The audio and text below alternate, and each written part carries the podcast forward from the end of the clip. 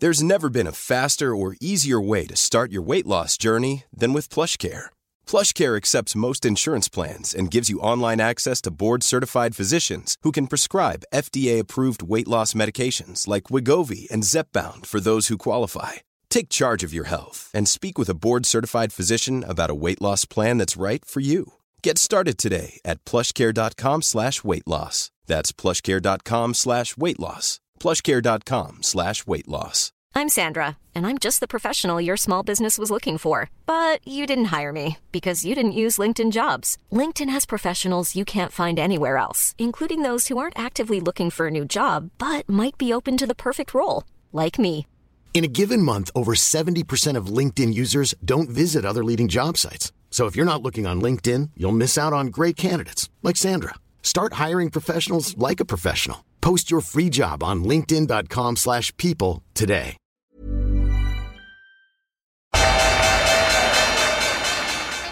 They mistook leverage for genius. Leverage for genius. I would recommend you, Japan. The governments don't rule the world. Goldman Sachs rules the world. Velkommen til episode jeg tror det er 102 av podkasten 'Tid er penger'. En podkast med Peter Warren. Her er andre gangen vi kjører ukentlig podkast. Nå ser det ut som det funker greit, og vi kommer til å fortsette med det.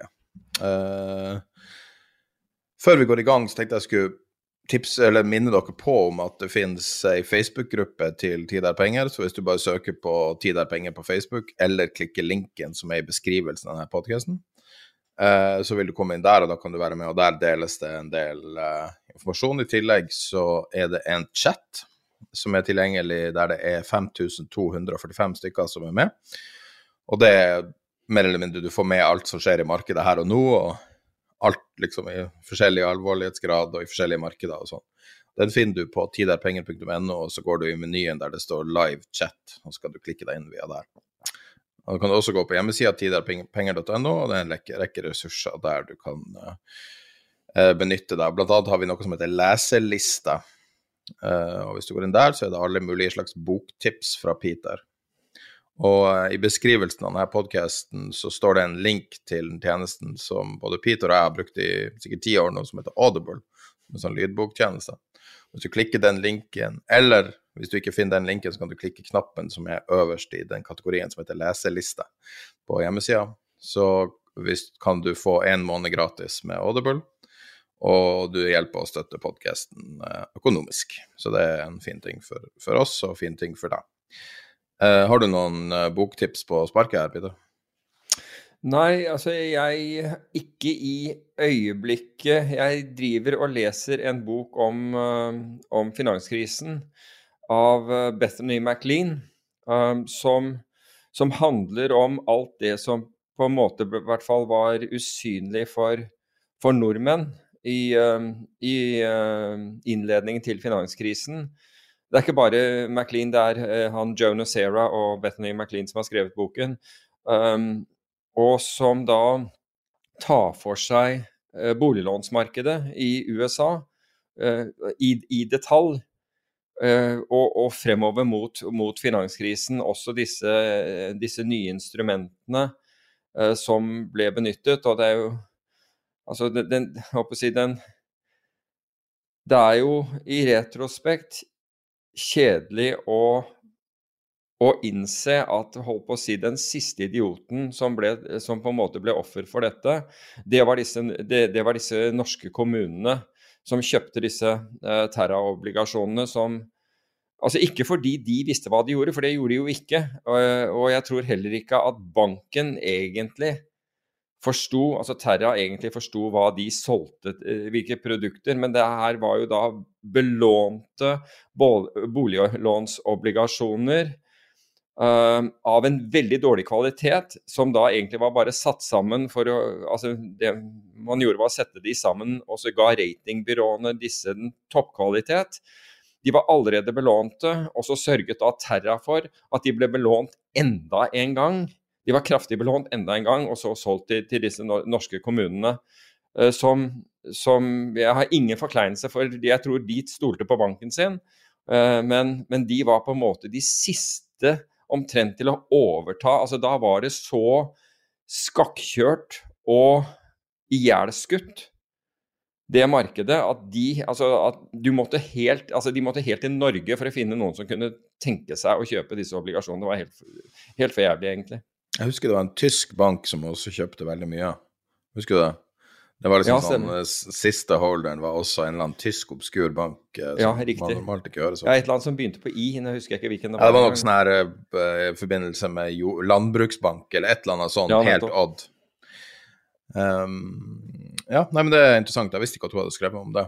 Veldig, veldig stor fan av Bethany McLean sjøl også, så Ja, altså etter, etter Enron-boken. Jeg skal fortelle deg hva den, hva den heter. Men altså, den er jo den er veldig detaljert, og jeg vet ikke hvor mange som er interessert. Den heter All the, Dev All the Devils Are Here, um, og, og forteller da historien. Men du kan si at hvis du ikke er nerdete opptatt av hvordan dette her hadde seg, og hvordan ratingbyråer og, og fremfor alt disse disse amerikanske garantiinstituttene, eh, Freddie Mac og Fannie Mae, som, som blir privatisert og, og får plutselig en helt annen interesse i, i virksomheten sin. Altså med andre ord, De øker risikoen, fordi nå er det jo snakk om store bonuser og store aksjegevinster. Og, og, og hvordan dette her baller på seg. Og det er litt fremmed for, for, for nordmenn, for vi har ikke akkurat tilsvarende i, eh, i Norge. Så du må være litt mer enn gjennomsnittlig nerdete opptatt. Men etter hvert så går den jo mer og mer inn i den i, i årsakene til krisen som de fleste av oss kjenner, da, for, å, å, for å si det på den måten. Men det er én morsom ting som kommer frem i, eh, i boken. Og det er at da tidligere sjef for Goldman Sachs, som, da er, som da blir finansminister eh, under Bush, eh, Hank Paulson, han tror ikke, Årsaken til at han ikke tror dette er, er og blir et problem, altså dette er før det blir da et problem, er fordi man hadde ikke hatt en nedgang i amerikanske boligmarked, altså prisene på amerikanske boliger hadde ikke falt siden etter, etter eh, krasjet i, i altså 1930-årene. Og det var årsaken altså Du kan si det er jo en form for recency bias, om du vil. Det var årsaken til at han ikke trodde at de, de satt på et problem her. Og så viste det seg at det veltet eh, økonomien. Um, jeg så nå rett før vi starta her, så kom det et interessant tall som jeg tenkte vi kunne, kunne kicke off med her. 514 000. Det er antall norske privatpersoner som eier aksjer eh, ved utgangen av første kvartal i år. Og det er opp fra 476 000 uh, ved utgangen av fjoråret. Det er en ganske betydelig prosentandel av landet, og um, uh, av de 38 000 som har økt det siste kvartalet, så er 15 000 under 30 år. Ja, um, det henger jo også sammen med tallene vi har sett fra, fra utlandet. Hvor det har, hittil i år så har det vært en nettotegning på 569 milliarder dollar i aksjefond. Altså folk som da nye tegninger, netto nye tegninger inn i, i, i aksjefond. Så vi ser jo på en måte det over hele linjen at flere og flere har kommet med i, eh, i, i markedet.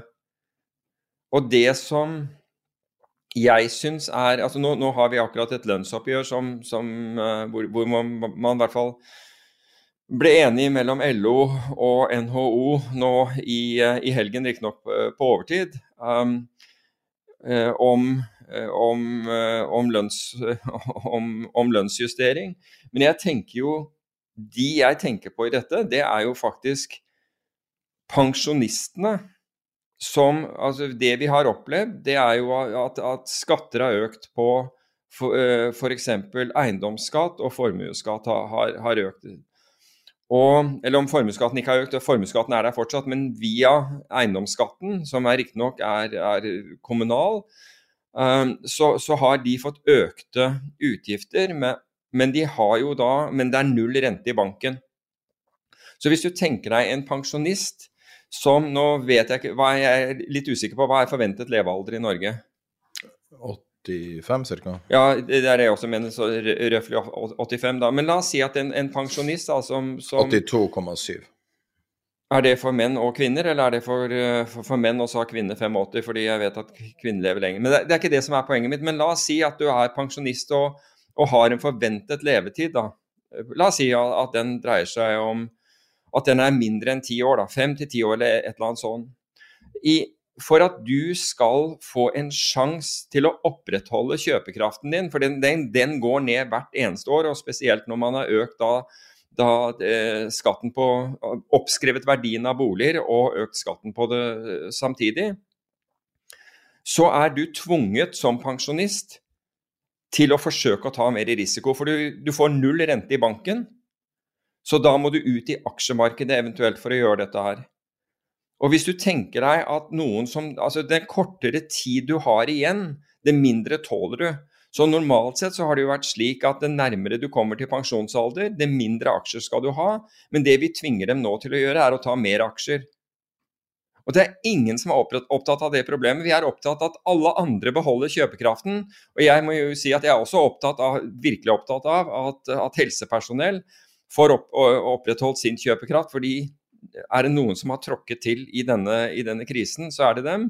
Dernest er det selvfølgelig lærere og en rekke, rekke, andre, men du kan si at helsepersonell utsetter seg selv for større fare enn en de andre. Kanskje ikke jo, selv også enn en, lærerne. Men pensjonistene er de som ingen taler deres sak i dette her. Så når, når uh, altså det, det, jo, altså Byrådet i Oslo det er, det er jo, det, er jo blitt en sånn speiderleir. Og når den går ut og da øker fordi, de, fordi, man bruker så mye penger, så skal man da øke opp alle mulige alle mulige kostnader, deriblant eiendomsskatt og den type ting, som går direkte utover de som da ikke får sin kjøpekraft justert. Så må de da ut og ta risiko, og ingen taler deres sak. Hvorfor ikke? Fordi de, ingen bryr seg om deres stemme lenger. Det er mulig at du bryr deg om akkurat det siste du gjør før, før, valget, så er det en eller annen som tar på seg en sånn plastfrakk og stiller opp på et, uh, på et, sykehjem. Men utover det, det er ikke en velgergruppe vi, vi, vi, vi bruker mye tid på. Det er ingen som kjemper deres sak, og ingen som ser at det, det er en logisk brist at de skal øke sin risiko kort tid, med, med kort tid igjen. Um, og, og, og for, å, for, å kunne, for, å, kunne, nyte dette. Altså for å kunne ha en OK alderdom. Men skal eh. man ikke, er ikke kontraargumentet at man har de aller fleste boligeiere som er eldre, og har nytt godt av boligprisoppgangen og kan belåne boligen? Ja, men hør her. Ja, men de, de går jo ikke og tar lån. De går, jo ikke, altså de går jo ikke og tar lån når de har, har Altså, de har jo brukt hele livet sitt til å nedbetale lån, de. Men du, når du sier at de har nytt boligprisoppgangen Nei, du har ikke nytt boligprisoppgangen. Boligprisene har steget, men det er jo ikke som om du driver og shopper rundt og, og, og, og selger, selger, huset ditt for å, for å kjøpe deg en, en, liten leilighet et eller annet sted. Mange gjør jo akkurat det, da. To Ferrarier og, en privatjet. Men mange gjør jo akkurat det å selge hus og kjøpe seg leilighet. Ja, altså Noen gjør nok det, men, men, med leilighetsprisene så er ikke det nødvendigvis et, et kjempebytte. Du, du, kjøper, du selger en, en, høyt verdsatt uh, et høyt verdsatt aktiva for å kjøpe et annet høyt verdsatt aktiva, og du får jo like mye, mye uh, formuesskatt på den. Men poenget mitt er at det som skulle bli de, the golden years, blir, nå, blir de nå utsatt for og dette her, her står man på. Jeg, årsaken til dette er at jeg har fått noen henvendelser.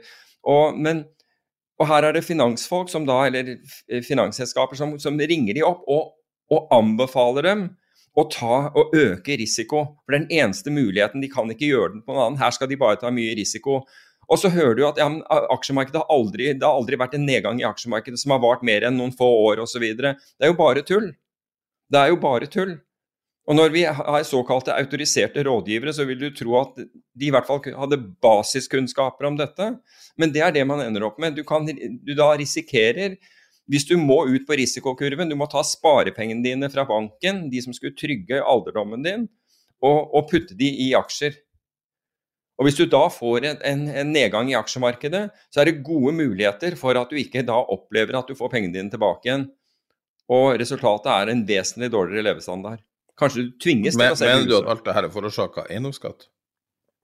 Nei, jeg mener at eh, blant annet altså du kan si Men er ikke eiendomsskatt en relativt lite beløp?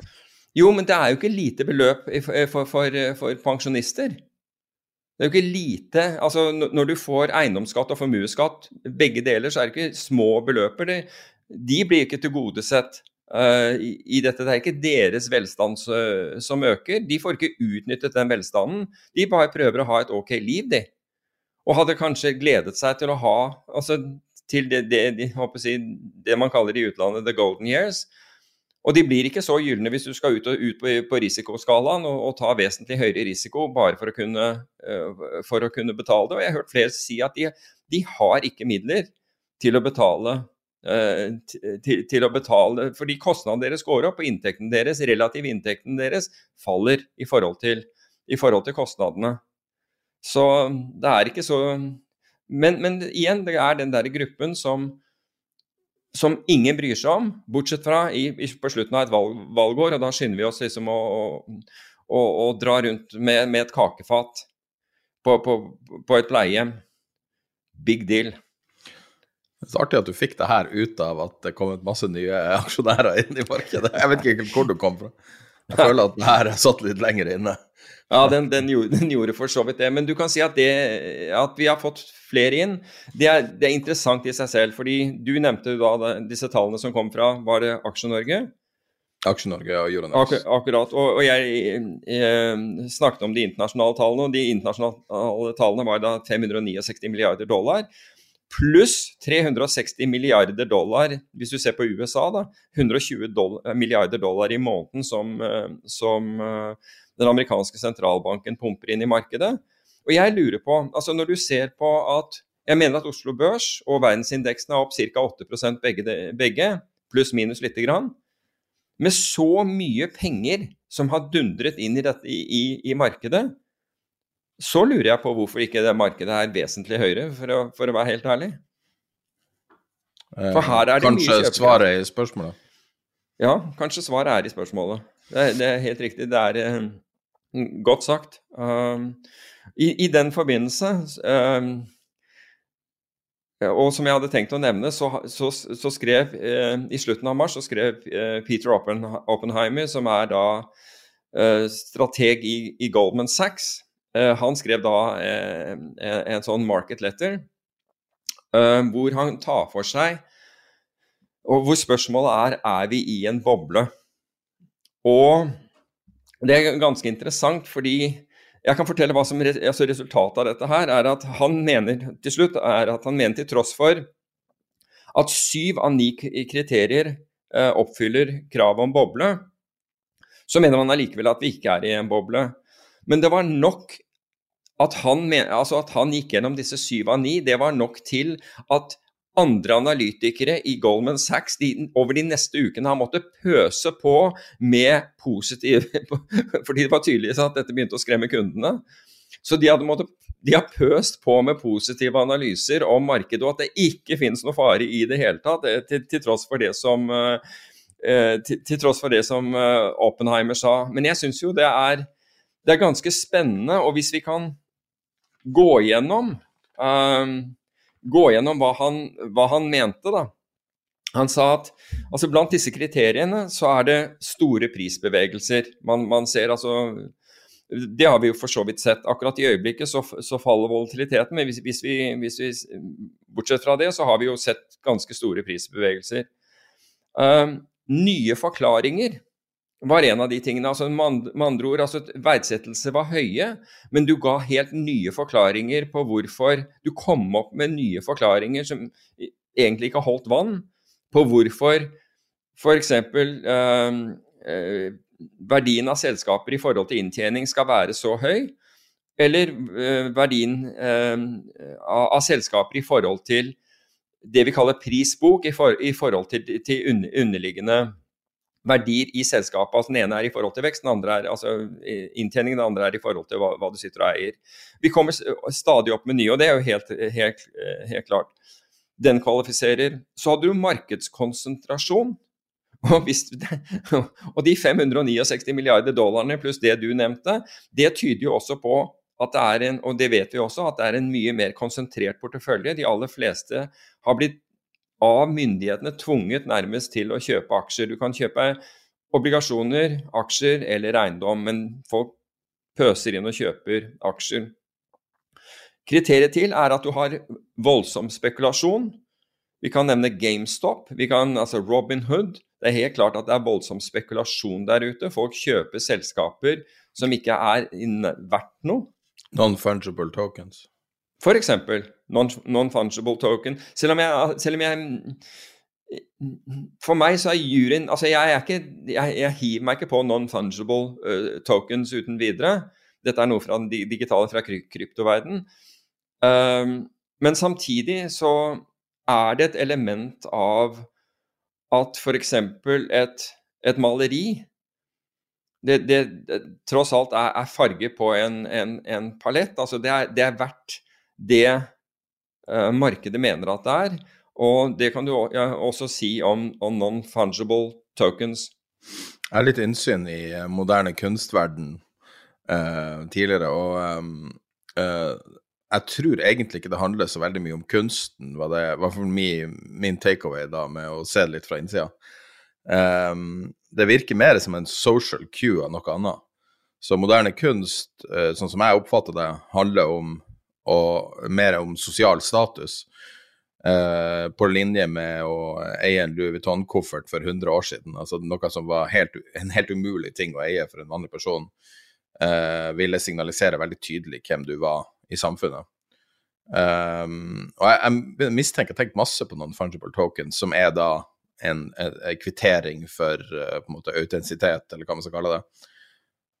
Al om det minst like mye er en en liksom en Altså, moderne kunst er sånn Hvis du skjønner moderne kunst, så signaliserer du hvem du er i samfunnet. Da er du en del av en elite som er alle enige om at moderne kunst eh, er positivt. Hvis du er sånn som meg, som kommer fra sånn helt normal, normalt eh, norsk hjem, mellomklassen, eller hva man skal kalle det, eh, så vil jeg si at nei, jeg, jeg liker ikke moderne kunst, jeg liker ikke et søppelhaug som ligger på bakken, eller noe sånt. Og i og med at jeg sier at jeg ikke liker det, så signaliserer jeg til dem som er opptatt av det, det signalet, at jeg ikke er en del av deres klikk, del av deres samfunn. Mm. Uh, og jeg, jeg, mistenker at non-fungible tokens er noe lignende, men langt mer komplisert. Det, det ligger så mye mange dynamikker bak det her som er litt sånn usynlige for andre. Altså, den har jo blitt uh, Altså, de, de, veldig, veldig store uh, omsetningene som har vært, på flere titalls millioner dollar, um, så har man jo allerede sett hvem det er som gjør det, og hvordan de gjør det. at Minst ikke mye et signaleffekt som en ekte ting, da. Altså, eh, man må, når det gjelder maleri, da, så må man jo også skille mellom håndverk og kunst. Og folk som er i kunstverdenen, er ingenting opptatt av håndverk. At håndverk er et veldig negativt ladda ord. Eh, så det du sier i verdien av malinga på, på, skjerm, eh, malinga på lerretet, det har ingen verdi. Det signalet man sender som er verdi. I hvert fall den oppfatninga jeg har av, av kunst etter å ha sett det litt på litt nært hold. Så jeg, jeg, vet ikke helt, jeg har ikke tenkt tanken helt ut ennå, men non-fungible tokens er noe, men det er litt uklart hva. ja, altså jeg, jeg, blir jo mer sånn betenkt når jeg ser Jeg så et innslag på Jeg tror det var på, på, på, på nyhetene hvor en, en, kar sitter med Mac-en sin og produserer Nei, han lager ett kunstverk om dagen, liksom. Uh, da ja, det, det, er sikkert sjelden det, det, kunstverket han lager, men det, er, det, blir litt annet enn når du maler eh, når, når du maler tak i Det sixtinske kapell, føler jeg. Det blir Men hva vet jeg? Men, men dette er jo Altså, kunst er jo in the eye of the beholder. Altså, det er jo den som ser på det. Det er jo, det er jo folk som viser frem kunsten sin, og, og som ønsker, som du er inne på, å bli identifisert med at de er kunstkjennere, kunstelskere eller kunstsamlere. På samme måten som, som folk Noen samler vin og gir ekstreme priser for, for, eh, for noen, noen, flasker vin, mens andre kunne ikke tenke seg overhodet å gjøre det. Um, så det blir jo in the eye of the beholder, tenker jeg.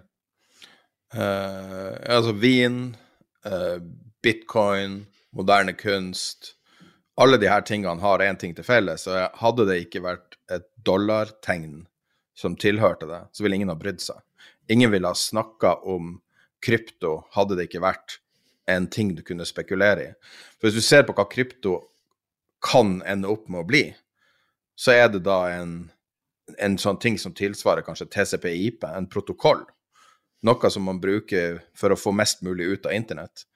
Og TCP-IP, som er da en standardisert protokoll som absolutt ikke har et, et spekulantelement i seg, det bare er en protokoll, uh, det er det ingen som snakker om. Men det er jo hele grunnlaget for internett. En av de mange tingene som er grunnlaget for internett. Mm.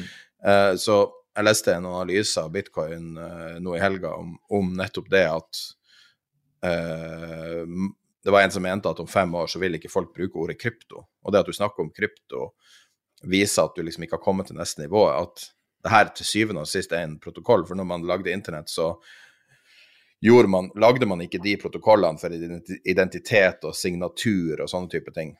Så man har de andre protokollene, men du har ikke de viktige. Så pga. at man mangler den identitetsprotokollen, så har man Facebook. Facebook er det. Mm. Det er privatisert identitet på internett. Og når det kommer til transaksjoner, så kan man si at det er privatisert i bitcoin og i blockchain-teknologien. Eh, så i hvert fall en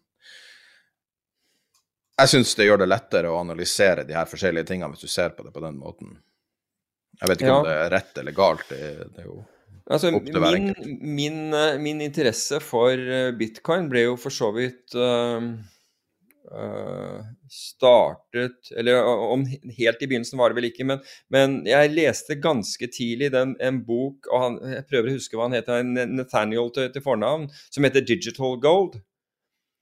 Uh, den er faktisk på Audible, for den, den uh, lastet jeg ned fra, fra, Audible i sin tid. Og den ga meg på en måte en, mer en forståelse for, uh, for bitcoin enn en jeg hadde. Og, og, sånn ble interessen. Før det så, så, så, så, visste jeg lite om det, hørte en del om det, men, men visste lite. Så jeg, jeg, leste den, eller lyttet til, om du vil, den, den boken. Så sånn var det var det min interesse ble vekket, og videre at, at jeg begynte å, å, tenke mer på uh, fordelene ved, ved, ved, ved blokkjede. Det betyr ikke at jeg tror at bitcoin, uh, som kommer til å være valutaen som overtar verden, det, det føler jeg antageligvis ikke vil skje høyst sannsynligvis ikke vil skje. Tror jeg blokkjede har, har, en verdi? Absolutt, den tror jeg har en verdi. Men jeg tror også og nå begynner faktisk så mange å, å, kaste seg på det der, inkludert banker, at den kan komme gjennom og bli Å få en ordentlig anvendelse. Um, og en tryggere anvendelse og en billigere anvendelse for, for uh, brukerne. Ja, og du ser også Jeg publiserte på chatten på den kanalen som heter Realtime, der jeg bruker å legge ut litt analyser. Og nå uh, før helga jeg lurer på noe på fredagen, så publiserte JP Morgan to helt vanlige økonomiske analyser av bitcoin. Mm. Uh, og det, så vidt jeg kan se, er første gangen jeg har sett en sånn type analyse på lik linje med gull, uh, euro-dollar eller en aksje. Og, og, det var veldig interessant å se bare hvor, altså hvor på en måte matter of factly de omtalte bitcoin som en hvilken som helst annen asset. Ja, altså det, JP Morgan har jo virkelig hatt en sånn litt en sånn rundreise her, for å si det på den måten, når det gjelder, når det gjelder krypto. fordi de, Blythe Masters jobbet jo i, i, i, JP Morgan, og hun var jo ekstremt tidlig ute rundt dette med blockchain. Um, sluttet i JP Morgan for, å, for å, å, å, bygge opp et selskap innenfor det, og JP Morgan virket som de ikke lenger etterpå gikk veldig imot alt som hadde med, med krypto å gjøre, for nå å vende tilbake igjen sammen med, med alle de andre altså type Goldman og, og, og de andre investeringsbankene. Så, så vidt jeg vet nå, så holder jo samtlige av de amerikanske investeringsbankene, altså med andre ord de store meglerhusene i verden, er inne i krypto på en eller annen måte. Enten, de, enten planlegger de produkter innenfor det. Deres, uh, deres uh, asset management, hva heter det for noe? Altså forvaltningsselskapene deres, altså det de tilbyr til kunder. Eh, tilbyr det. Um, de har satt opp desker for å trade det. Goldman satte jo opp en, en desk og stengte den ned, og har nå startet den igjen. Morgan Stanley er i gang, uh, og godt i gang eh, med dette her. Mens det du ser er i Norge, så her er det fortsatt, her er det fortsatt high yield issuen som, som, som, teller, så, så, så, vidt jeg vet. Men her kan jeg ta feil. Og hvis det er noen av dere, dere som er forvaltere der ute som av de større selskapene som faktisk har, har, gjort noe på den siden. Så hadde det vært interessant å, å, å hørt, å, hørt, om det, uh, hvis dere vil ha det frem. Men, men slik jeg har forstått det, så, så, man, altså, så, så vil man komme ekstremt sent til fatet uh, her. Den, den, neste han hadde, var høy nettotegning i aksjefond. Det kan vi utvilsomt si, altså både med dine tall og de tallene som jeg la frem, at vi har. Høy grad av belåning både i forhold til BNP og i forhold til mark markedsverdi. Begge vet vi er rekordhøye. Um, et veldig viktig krav var lett å få lån, lav rente. Det vet vi eksisterer. Det er, det er ekstremt enkelt å, å, få lån i dag, og renten er, som vi vet, eh, lav. Men så kommer han inn på en, en, av de faktorene som han mener ikke kvalifiserer. Og det er vanligvis at du skal være sent, i en, økonom, altså sent i en økonomisk sykkel, mens han mener at vi er tidlig i en økonomisk sykkel. Hvilken sykkel er det? Ja, det er jo selvfølgelig det er når du tar sykkelen som den nedgangen som covid har medført, og, og, og, den påfølgende oppgang. Og ja, jeg er enig i det, men du kan si at er, det er jo så kunstig. Altså, vi, vi, vi fikk jo ikke fullført på en måte, eller fullført nedgangen for noen bedrifter og noen øh, øh, no, altså Innenfor visse sektorer så er, jo, er det jo katastrofalt, det, det, som har skjedd. Men jeg ville jo argumentert akkurat den altså jeg, du, du, kan, du kan hevde at du er tidlig inne i en ny økonomisk sykkel. På samme måte som du også kan hevde etter min oppfatning at du er sent inne i en økonomisk sykkel. Det er bare lengden på den sykkelen. Um, og hvordan, hvordan, du ser den, den sykelen. Altså, la oss si at han har rett, da, at vi er tidlig inne i en økonomisk sykkel og ikke sent inn igjen. Så vil jeg jo da kunne vil jeg argumentere med at verdsettelsene er så høye at vi har allerede, vi har allerede eh, priset inn slik at vi er, i, altså vi er allerede priset aktivaene slik at, som om vi er sent i den sykkelen. For vi har allerede gitt de så høy verdi. Uh, så videre så går han på betydelig øking, økning i, i, uh, i, i, corporate actions, altså emisjonsmarkedet, uh, og i mergers, altså uh, kjøp og hva heter det for noe, sammenslåing av bedrifter. Og det, og det vet vi at vi er. Det er jo ingen tvil. Altså, vi, vi har rekordemisjoner. Altså, det er rekord med, med, med innhenting av kapital. Og så, og, så, og, så et, og så, er det regnskapsskandaler. Og det mente han heller ikke har kommet, og det syns jeg også du kan diskutere. At det har vært en del regnskapsskandaler allerede. Men det er klart at de virkelig store de kommer først når, når boblen brister. Så jeg, så jeg må jo si at når han da på slutten da konkluderer, til tross for at han mente at syv av ni var definitivt oppfylt, og de to han ikke mente var oppfylt, er sterkt diskutable, da, da, da, skjønner jeg at Goldman har et behov for å rykke ut med nye positive analyser i de påfølgende uker, altså for å si det på, på, den måten. Du har ikke hørt noe fra Peter Oppenheimer siden, men, eh, men det, var, det var i hvert fall en interessant gjennomgang syns jeg, av han. Og, og, han satte det på en måte i, i kontekst. Jeg vet ikke om, om, om, Altså, en boble Vi så jo hvordan den boblen som var både i eh, rundt eh, tusenårsskiftet, altså den dotcom-boblen, og for så vidt den boblen vi hadde som kulminerte i 2008, hvor lenge den blå, altså hvor, hvor, stor den ble, hvor mye luft som kom inn i den. Så det er, det er umulig altså det er, Dette betyr ikke at i, i morgen så, så, bikker alt ned, men det kan gi oss et kart, i det minste, for å forstå om hvor vi er hen i terrenget. Og litt som når du klatrer opp en stige, ikke sant? det høyere du kommer, i hvert fall de aller fleste av oss, det mer usikre føler vi, og det mer har vi lyst til å holde oss fast. Med andre ord, det høyere du kommer i markedet, så bør du tenke på kanskje å være litt mer defensiv i investeringene dine, istedenfor da å kaste deg inn i selskaper som skal muligens uh, tjene fryktelig mye om 25 år, uh, hvis, hvis, hvis det, verden ellers uh, står stille. Så det føler jeg at, at, du får et altså Ved å gjøre en sånn analyse, så får du et, et kart. da. som, som, du kan Eller i hvert fall en sånn guideline som du, du kan følge. Det betyr ikke som sagt at verden går under i morgen i, i, i, det hele tatt, men det er vanskelig å se Altså Når han mener at syv av ni er oppfylt, og jeg er ikke uenig med han i det, så er så er det vanskelig å, å, si at ok, her skal jeg, nå skal jeg virkelig ta risiko. Her, ikke sant, nå, nå er tiden inne for å virkelig dundre på en interessant kontrast med den analysen, og egentlig kontrast med det markedet vi har sett siden ja, Det er så lenge det har foregått nå, men i hvert fall siste året, da, har jo vært at det har vært så frenetisk mye som har skjedd. Hver uke når vi skulle, eller annenhver uke når vi skulle lage episode. Så vi hadde så mye å snakke om at, at det er liksom sånn det er uendelig med tema vi kunne tatt tak i. At Vi har så mye nye ting, nye investorer, nye um, sinnssyke aksjeutslag og alt. Altså Det er liksom bare nye ting hele tida. Enorme volum, alt klatrer. Og så plutselig har det egentlig stoppa opp. Så spesielt den siste uka da, så ser du tradingvolumet er, er virkelig er betydelig ned. Altså en tredjedel så mye som det var på toppen i år. Mm. Uh, eh, OTC-volumet er, veldig mye ned. Uh, opsjonsvolumet er ned. Du har volatilitet, altså VIX-indeksen uh, er ned, som betyr at uh, opsjonspriser er det. Stor handel i VIX-en i slutten av forrige uke for øvrig. Virkelig stor handel.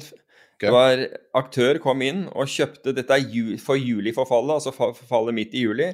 Kjøpte da callspread, altså kjøpsopsjonen, kjøper fem, en callspread er hvor du kjøper én kjøpsopsjon og utsteder en annen.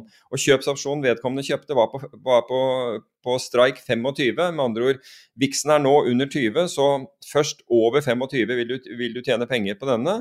Og så utstedte de 40. Uh, uh, 40-striken. Så det, det, gjør at du, du, kan tjene penger da altså Premien som ble betalt, var 2 dollar og 7 cent. Altså med andre ord, den får en break-even på 27,07, men, men de betalte i 40 millioner dollar premie. Og det er ganske beløp, altså. 40 millioner er, er betalt i premie, så du kan si at hvis denne aktøren har rett, og VIX befinner seg på 40 eller over i juli, så tjener, man 600, så, så tjener de 628 avkastning. Um, men det er en ganske stor, eh, stor handel, og den kom Jeg vet ikke om du, du husker kanskje at jeg nevnte Uh, uh, nevnte at det, det fantes en mulighet ved å kjøpe uh, salgsopsjoner på, på high yield-indeksen, eller på high yield-ETF-en, og og utstede opsjoner på SMP 500 for å betale for denne, altså som en hedge. Og jeg nevnte dette to ganger, først i forbindelse med mars-forfallet, og senere i forbindelse med, med, med juni-forfallet. Og jeg fikk to sånne reaksjoner. Det var ganske, de eneste to som reagerte på det sånn etter at mars-opsjonene forfalt, var en som sa det der det hadde ikke virka i det hele tatt, eh, sier vedkommende. Um, så, så det var liksom var bortkastet. Og for det første, denne ga da dette, dette var en en sikring. Dette var sikring i tilfelle markedene skulle falle. og Ellers så jo, hører, hører jo folk si at nei, opsjoner har vært så dyrt, jeg vil ikke kjøpe, det, det koster for mye å sikre porteføljen. Men poenget her var at ved å gjøre det på den måten jeg nevnte, så betalte du faktisk ingenting.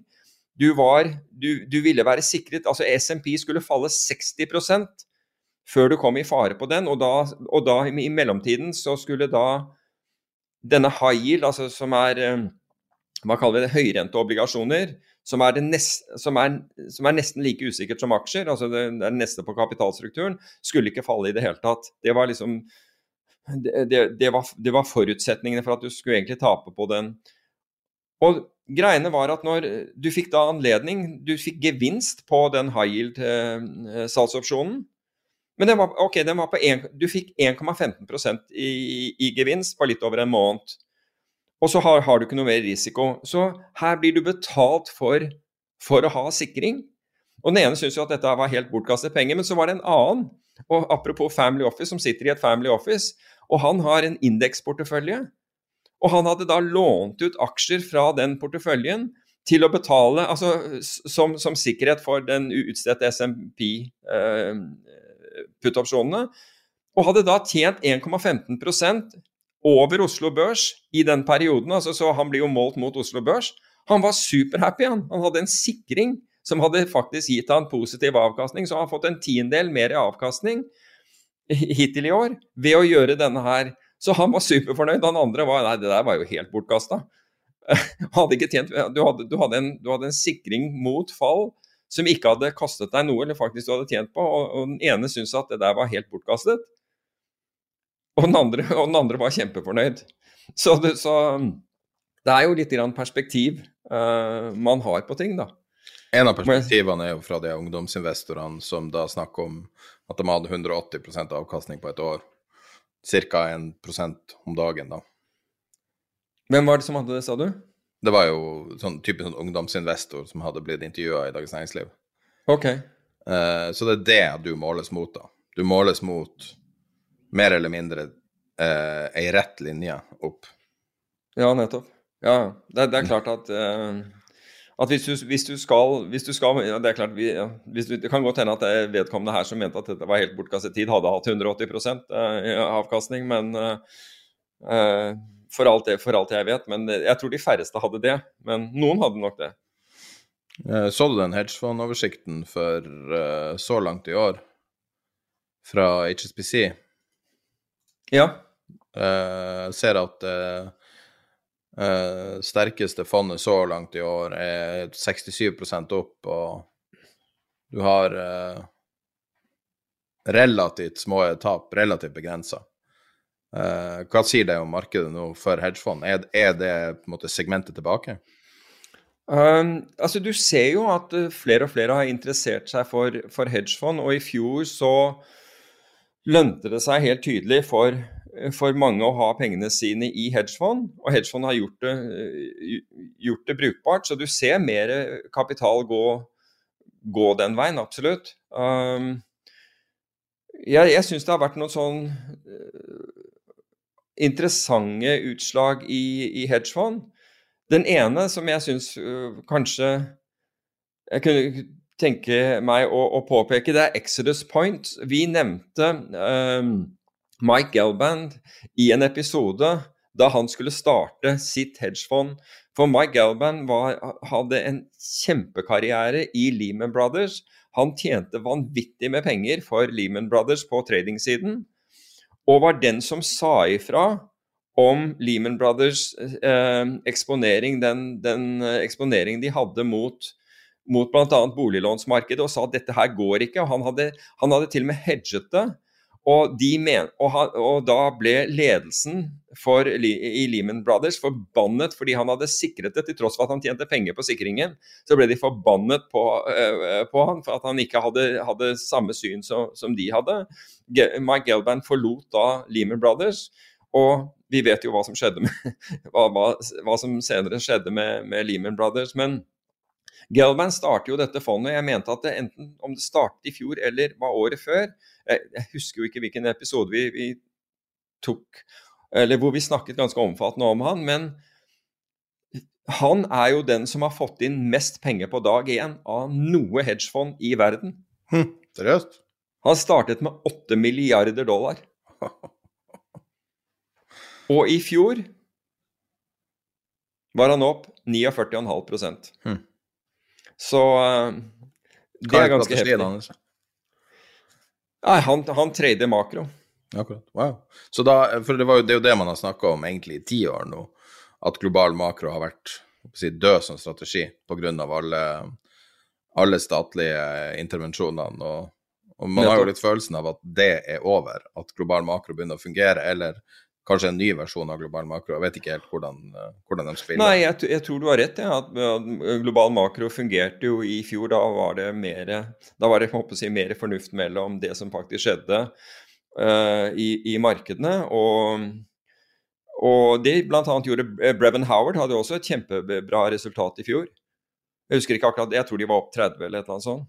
30% så, så det er jo et bedre marked for global makro. men Markeder som blir manipulert av sentralbanker, vil alltid være svært krevende for eh, global makro. Fordi du har da valget mellom å never fight the Fed, altså med andre ord med, bli med på galskapen, eller gjøre det som på en måte du fundamentalt mener er riktig.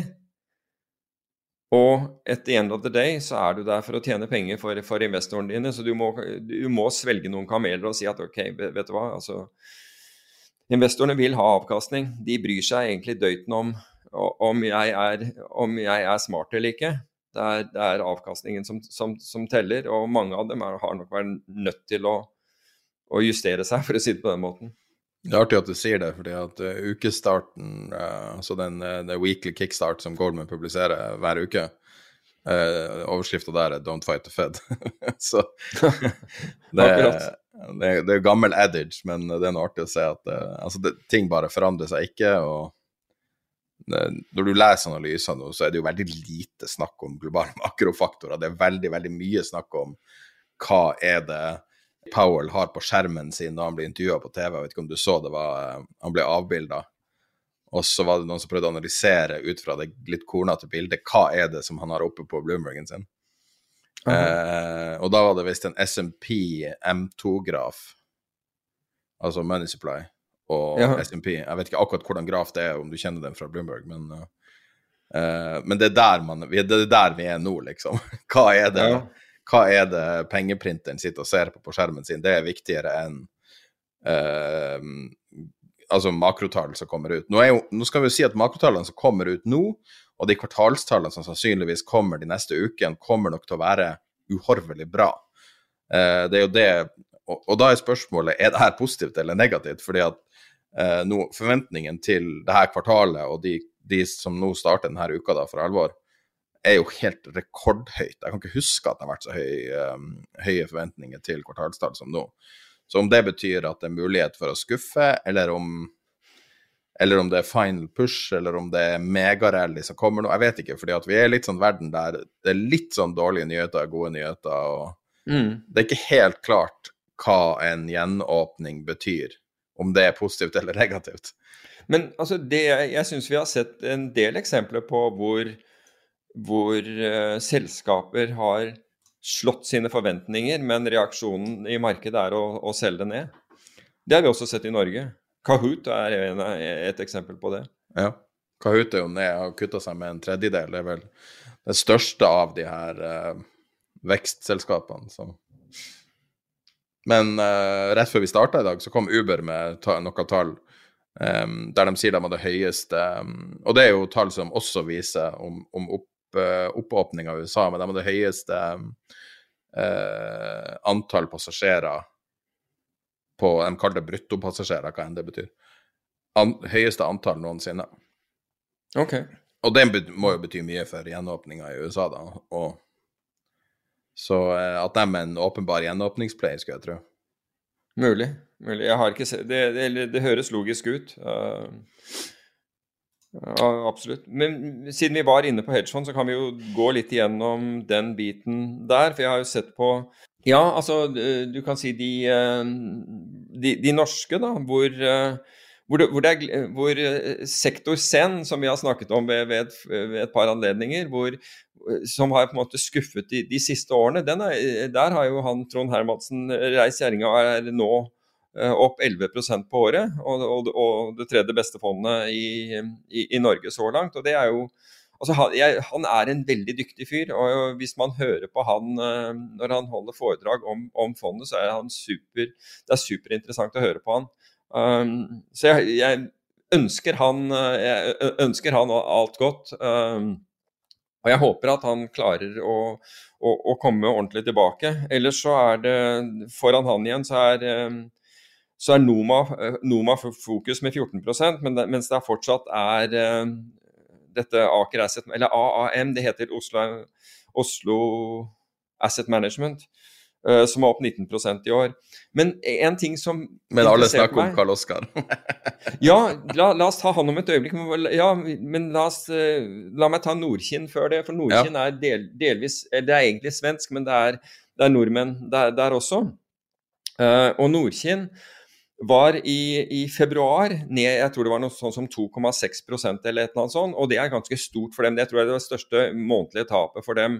Dette er et fond som driver innenfor, uh, innenfor rentemarkedet og har veldig lav volatilitet, men har 1,3 milliarder euro til forvaltning. Så dette er svært, altså. Dette er svært. De har hatt gjennomsnittsavkastning på 3,32 Altså det, det, det, er jo ingen Altså i, i Norge så er det jo du har jo ikke en sjanse, fordi hvis du ikke er i nærheten av Oslo Børs, så blir du jo skutt i biter av Steinar Grini i Finansavisen. Så, men 3,23% men, Og jeg tenkte når jeg så det Nordkinn-fallet, så tenkte jeg hva er, som, hva er det som, skjer her? Hele, har hele greia vært egentlig en, en carry trade? Hvor, fordi de har veldig lav volatilitet, de har høy sharp ratio. Har, har, de da klart å tjene pengene sine egentlig med en, en carry trade hvor, hvor, risken har på en måte vært skjult? Da. Altså det at de har tatt en høyere risiko, og det er det som gjør at de har klart seg innenfor, innenfor rentemarkedet. Men i mars kom de tilbake igjen med og tok igjen hele, hele tapet fra, uh, fra, fra februar.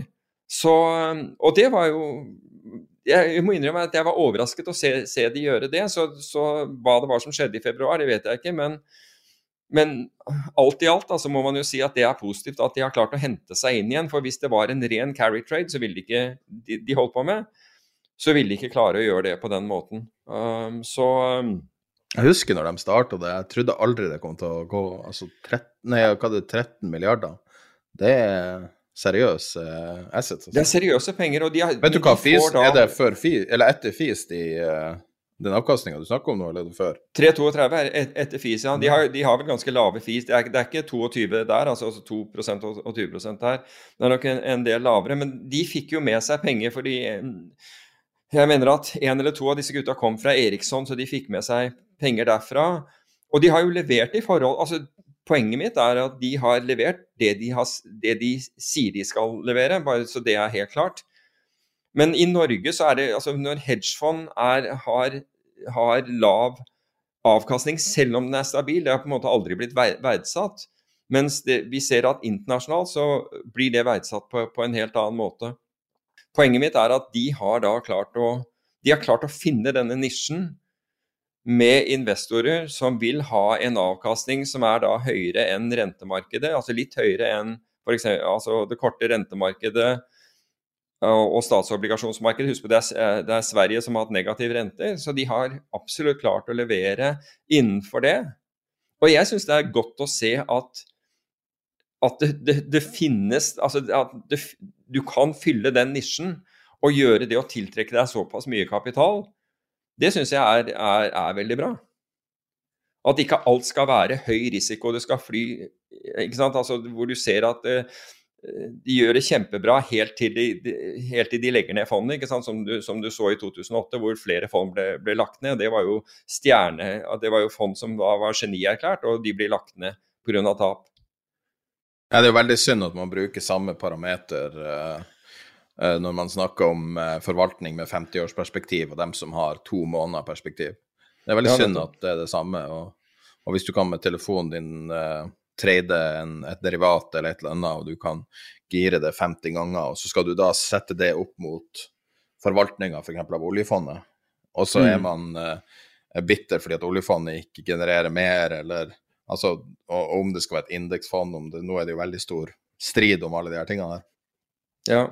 Og om man skal uh, spisse det og alt sånn, og så sitter man der og ser på prosenter og ser på meravkastning. Og, men ja, det er jo så totalt forskjellige ting, de to tingene. Og det samme ja. gjelder med et pensjonsfond som da velger noe som er så differensiert som mulig gjennom hedgefond. Så det, det, er veldig synd da at det blir uh, liksom, målt og veid av folk som kanskje ikke forstår at det her er to vidt forskjellige ting. Ja, så Det blir målt og veid på basis av hvor store overskrifter ikke sant? Du, kan, du kan lage på det, men, men, men, sånn er det bare. Men poenget mitt er at uh, det var godt å se at de, at de, på en måte kom tilbake igjen nå i, i mars, altså i forhold til februartapet. Det, det syns jeg var, var, godt å se, altså selv om selvfølgelig nå får de en litt høyere volatilitet.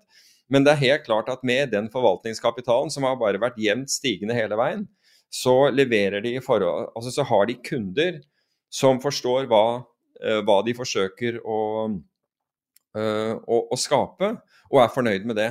Hva du syns, bare sånn, Jeg sitter bare og ser på forholdstall, hvem som har gjort det bra og dårlig i år. og Hvis man tar da hvem som har gjort det veldig dårlig, gull, og hvem som har gjort det veldig bra, bitcoin. Og jeg, jeg vil tro at de, de, fleste er vel enige om at en av grunnene til at gull gjør det dårlig i et marked der man er redd for inflasjon, som er litt motsatt intuitivt, da, er pga. Mm. at veldig mange investorer har gått over til bitcoin. Og, og du, ser, du, ser, det jo litt på omsetninga at det ser ut som at det, det matcher sånn noenlunde prisoppgangen til bitcoin. Men eh, tror du det her kan være en bra pair trade? Long gull, altså, short bitcoin? Jeg vet ikke. Jeg, har, jeg, har ikke jeg, jeg, tror på et eller annet tidspunkt så, så, vil gull komme tilbake igjen. Det tror jeg. altså Det, det, høres, det, det er en sånn der tullete setning å si, men, men jeg har jeg, hørte det der selv at det hørtes feil ut. Men jeg, altså jeg tror ikke gull er ferdig med Jeg tror for mange stupte inn i gull på, på, på, på feil tidspunkt med, med, feil forutsetning. Det er årsaken. Og så har, man, og så har bitcoin blitt et, et alternativ hvor folk sier at jeg trenger ikke å putte så mye penger som jeg, jeg, hadde i gull. Jeg kan bare ta en brøkdel av det og putte i, i, bitcoin, så får jeg noe av den samme effekten, eller bedre. Slik at den, har, den har, fått en konkurrent. Men på et eller annet tidspunkt eh, så tror jeg at fordi bitcoin ikke oppfyller etter min oppfatning de kriteriene som gull kan oppfylle, eh, så vil en sånn flight to safety på et eller annet tidspunkt gå mot gull fremfor å gå, gå mot bitcoin. Bitcoin er blitt for mye risk on, risk off-type, eh, mens gull ikke skal ha den egenskapen, og, og, ofte ikke har hatt den egenskapen annet enn når den har vært veldig spekulativ. Apropos det, så kan jeg jo si at JP Morgan har prøvd å verdsette bitcoin basert på litt lignende metric som man bruker kanskje for gull. Uh, og der de prøver å finne Altså prøver å bedømme det som digitalt gull og se hva er oppsida der. Og det de snakker om da, er at hvis du bruker de samme parameterne, så, så, er da et eller annet mål for dem Jeg vet ikke helt hvordan de klarer å bedømme det her, men det er 130 000 dollar for bitcoin. Eh, okay. og, så, og, så, sier de at i mellomtida 65 000 dollar er mer et tak. Eh, og det er basert på de mer fysiske forholdene knytta til bitcoin, som er Du har en del ting knytta til både veksling og mining, da. Det er interessant. Jeg har ikke sett noen approache det på den måten. Og det her er da Nei. ikke et sånt bitcoin-team, og det her er mer de, eh, de strategiske teamene til JP Morgan. Ok, Det siste jeg så om, om bitcoin, var, var, at man mente at de nå brukte at alt rundt bitcoin da, gjennom miningen og gjennom prosesseringen av, av verifiseringen av, av, transaksjoner brukte tilsvarende, hadde tilsvarende strømforbruk som Sverige. Det er et problem, det der, altså. Det er et problem med det her eh, strømgreiene. Ja, det, jeg ser det. det er, Absolutt. Men uh, vi kan kanskje gå videre til uh, det du har, du har, lyst til å snakke om teknisk analyse, det er jo noe som Ja, altså før det, du nevnte, jo, du nevnte jo nettopp Karl Oskar Strøm, altså i forbindelse med hedgefond, og da kan vi jo bare pense inn på det siden du, du, du nevnte Han er jo kommet i gang. Ja. Uh, og, og, og, skriver uh, selv at han, at han, fikk inn jeg tror det var rett i underkant av 75 millioner kroner, som jeg syns høres veldig bra ut. Altså jeg synes det, det, å, det å, å, hente inn det var, var godt gjort, det, av han. Så, så, han er nå up, up, and running, for det var, var flere som hadde, som hadde, spurt om det. Og han Hva var det i mars noen nevnte at han var ned halvannen prosent eller et eller annet sånt. Og det, altså, han, han, nevnte det. Han nevnte det, ok. Ja. Men, men, men, poenget er at at her, her, må man ikke hva, hva, hva, er det for noe? En svale, en enkel svale utgjør ikke en sommer. Altså Man må ikke bedømme uansett på øh, på, på en måneds resultat, være seg om det er neg øh, litt negativt eller, eller, litt positivt. En måneds resultat forteller absolutt ingenting. Så Etter min oppfatning. Så, så, du kan si at Men, men det som, som sagt øh, det som er verdt å merke seg, syns jeg, er at han, han, er up and running. At han fikk fondet opp og, og, og, fikk inn bra med kapital, etter min oppfatning. Ja. Han må sikkert ha mer for å dekke kostnadene sine, men uh, uh, det er jo en del regulatoriske kostnader. Men nå selvfølgelig kan det være at han har dekka dem sånn sett. da, så er Det mulig at han har valgt en annen struktur enn å gå rett på eh, forvaltningshonoraret. Ja, det, det vet, jeg vet ikke hva Bare ut fra det han for- skriver, så ser det ut som det er dekka av fondet direkte. Hva da? Eh, advokathonorar og sånn. Ok. Altså, så bare det det sto i det han skrev. Han publiserte det jo offentlig også, det her, så det er jo ikke noe mystisk sånn sett. Å ja, sånn, ja. Så, så en del av de halvannen prosent er, er det? Er det det du sier? Tilsynelatende er nesten alt, da. Og for det han skrev. Ja, ok, greit. Um, Så at han liksom ikke helt kommet i gang med tradinga ennå, men uh, vi får egentlig bare se. Men det er jo artig. Det er jo det en person som veldig mange kjenner godt Ja. gjennom. Han har vært synlig i sosiale medier og synlig Mm. i alle år for en rekke meglerhus, så det er jo en som mange føler seg kanskje føler de kjenner godt. mm. Men det, er, altså det jeg vil jo si at det er, det er uvanlig å føre advokathonorarer på, øh, som, som kostnader for, øh, på, på forvaltningen. Men dersom du Altså det sagt, altså så lenge det ligger i prospektet, og det er jeg helt sikker på at hvis han har gjort det, så står det i prospektet hans at han kan, at han kan gjøre det, så, så, så er det greit. Men det vanlige er at det dekkes av, av din Altså det går inn i din, ditt forvaltningshonorar. Altså det, det investorene betaler for eh, den årlige forvaltningen av, eh, av, av fondet. Men, eh, men så, lenge det, så lenge du, du, du discloser det, så er det jo så, altså da kan du gjøre, Så lenge investorene godtar det, kan du gjøre akkurat hva du vil. Fordi, Det gir han litt lengre runway også, så kanskje hensiktsmessig, jeg vet ikke.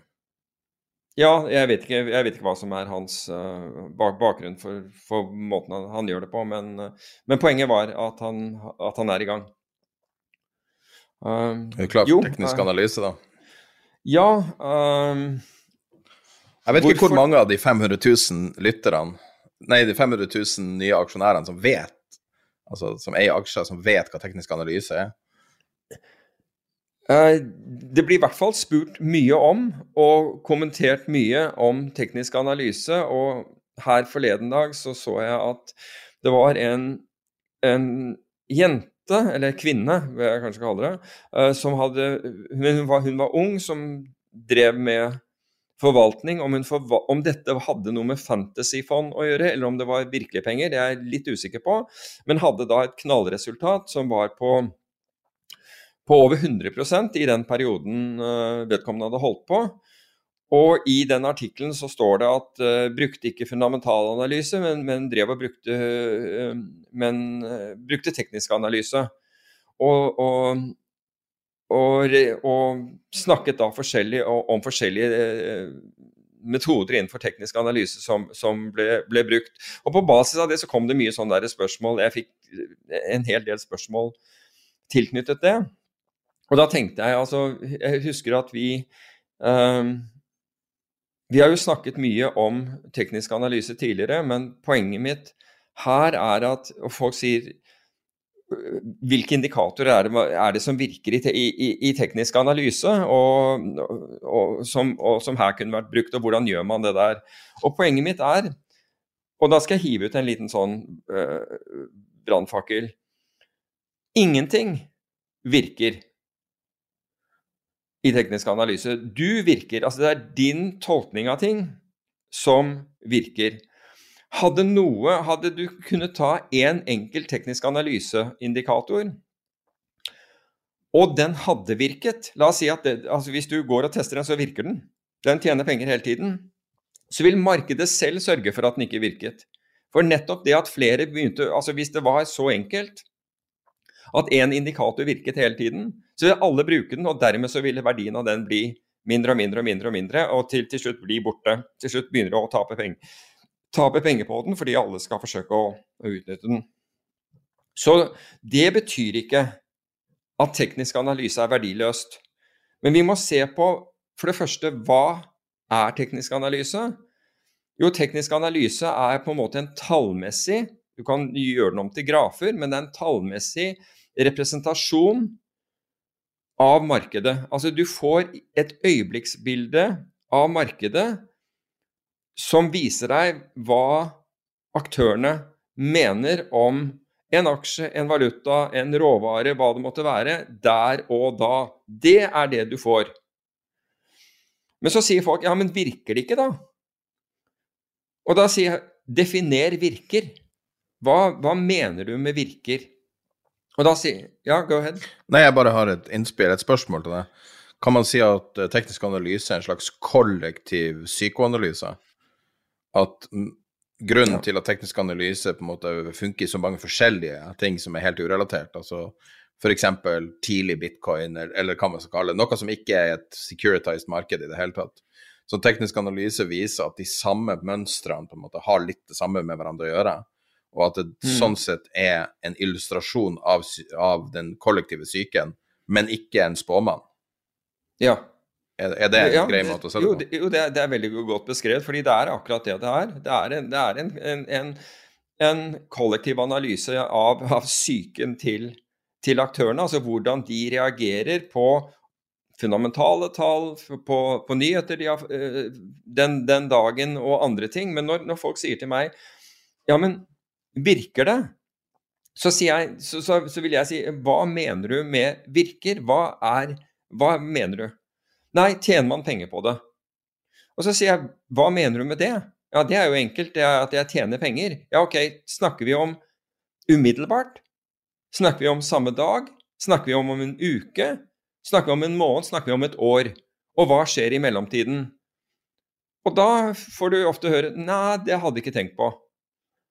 Så sier jeg at altså, veien til målet er like viktig som, som, målet. Fordi det kan godt hende at du får et Du klarer å finne et signal i teknisk analyse som gir deg uh, som, som, la oss si gir deg 10% gevinst i slutten av juli. Men hvis markedet er ned 60% i mellomtiden, så er du antageligvis ikke med, og eh, da har du liten glede av den der 10, 10 da, da, skal, da, sitter du gjennom så mye ubehag at du er sannsynligvis utslitt og kom, kommet deg ut for lenge siden. Så hvis vi skal si at noe virker, så må vi klare å definere hva vi mener med at det virker, og vi må kunne vite at vi klarer det e, eventuelle ubehaget mellom nå, altså i det øyeblikket vi handler, og vi, vi, får en utdeling. Og Poenget mitt er at Og det kan vi gjøre gjennom å teste. Statistisk teste.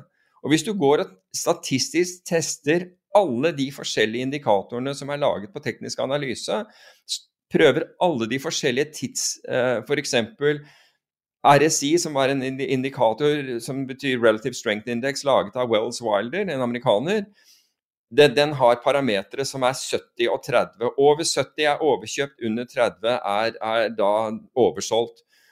Hva, altså hvis, du, hvis, du, går og tester disse, så vil du finne at ja, de virker i, i perioder, og i andre perioder virker de ikke i det hele tatt. Og, det er, og heri ligger problemet. At du kan si at det virker, og det virker ikke. Det kan du si om alle indikatorer. Jeg kjenner ikke til en eneste indikator som virker hele tiden. Men jeg kjenner til mange indikatorer som virker noe av tiden. Så, det, så da må du identifisere igjen hva, hva, er utfordringen og hva er problemet. Jo, problemet er da når skal jeg bruke de ulike indikatorene. Det er mye viktigere. Altså, du, du, kan ta en indikator og si at ok, så lenge markedene Ta eksempel, du du har to hoved, typer av, av, indikatorer. Det er den trendfølgende indikatoren. Og hva skjer med den trendfølgende indikatoren? Jo, der har du mange små tap og, og få, men store gevinster. De mange små tapene det er når du må ta en stopplås fordi, fordi uh, den går deg imot. Markedet eh, faller, og, og, den trenden utviklet seg ikke som den skulle. Og du måtte ha du måtte ha nok tid til å se at den ikke virket, eller nok kursbevegelse til å se at den ikke virket. Den traff stopplåsen din.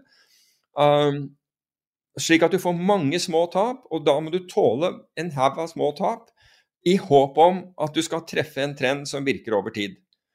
Og lange, F.eks.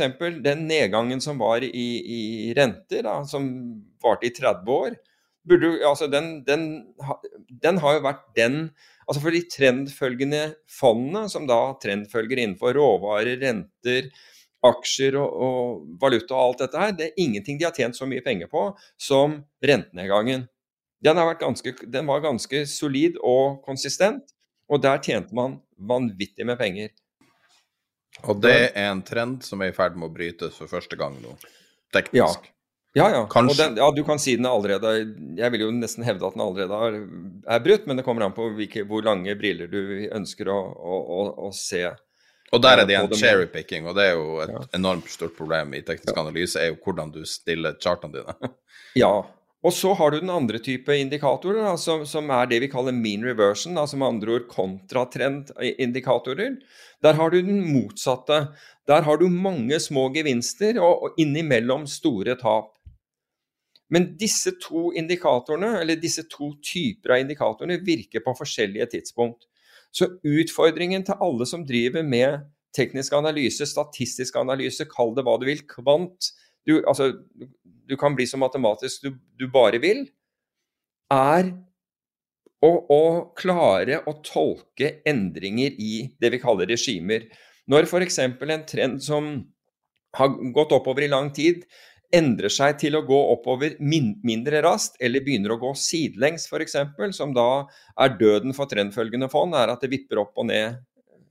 Da går du på tap etter tap etter tap. Uh, inntil den da den trenden enten fortsetter eller snur, snur nedover. Da håper du at du skal være med. Det som ofte skjer, det er at da har du mistet tillit til hele greia, fordi du har blitt vippet ut og inn i og over et antall måneder eller til og med et år. Slik at når den endelig trender, så tror du ikke at den trender, du tror bare at dette er, dette er bare en ny vipp, så så du blir ikke med. Så når folk snakker om teknisk analyse og at de bruker visse ting, så, så er det dessverre slik at ingenting virker hele tiden. Og hadde, hadde noe virket veldig, veldig godt, så hadde det sluttet å virke ganske fort, fordi så mange hadde brukt den at de hadde ødelagt det signalet. Kan, Så- det kan jo kanskje sammenlignes med hedgefond på 80- og 90-tallet, der det var relativt få uh, antall dollar om uh, strategier som var veldig profitable, så man kunne få utrolig mye avkastning ut av dem. Mens i dag er det utallige folk som er på de samme strategiene. Og så Ja. er plutselig return on eh, investment mye lavere på det, og, og halveringstida veldig mye kjappere. Nettopp. Og det, det, det er det nettopp det vi har sett, er at halv, og, og halveringstiden i modeller. For i dag så har du datamaskiner som nettopp søker og prøver å Hva heter det? Altså det eh, Hva er uttrykket for, på norsk? Altså hvor du Mønstergjenkjenning. Hva? Mønstergjenkjenning. Ja, det er mønstergjenkjenning, men det du forsøker å gjøre, det er å finne ut hva andre gjør. Altså re-engineer det som andre har gjort. Så du prøver å egentlig se hva, hva er signalet til andre. Ehm, slik at Ta f.eks.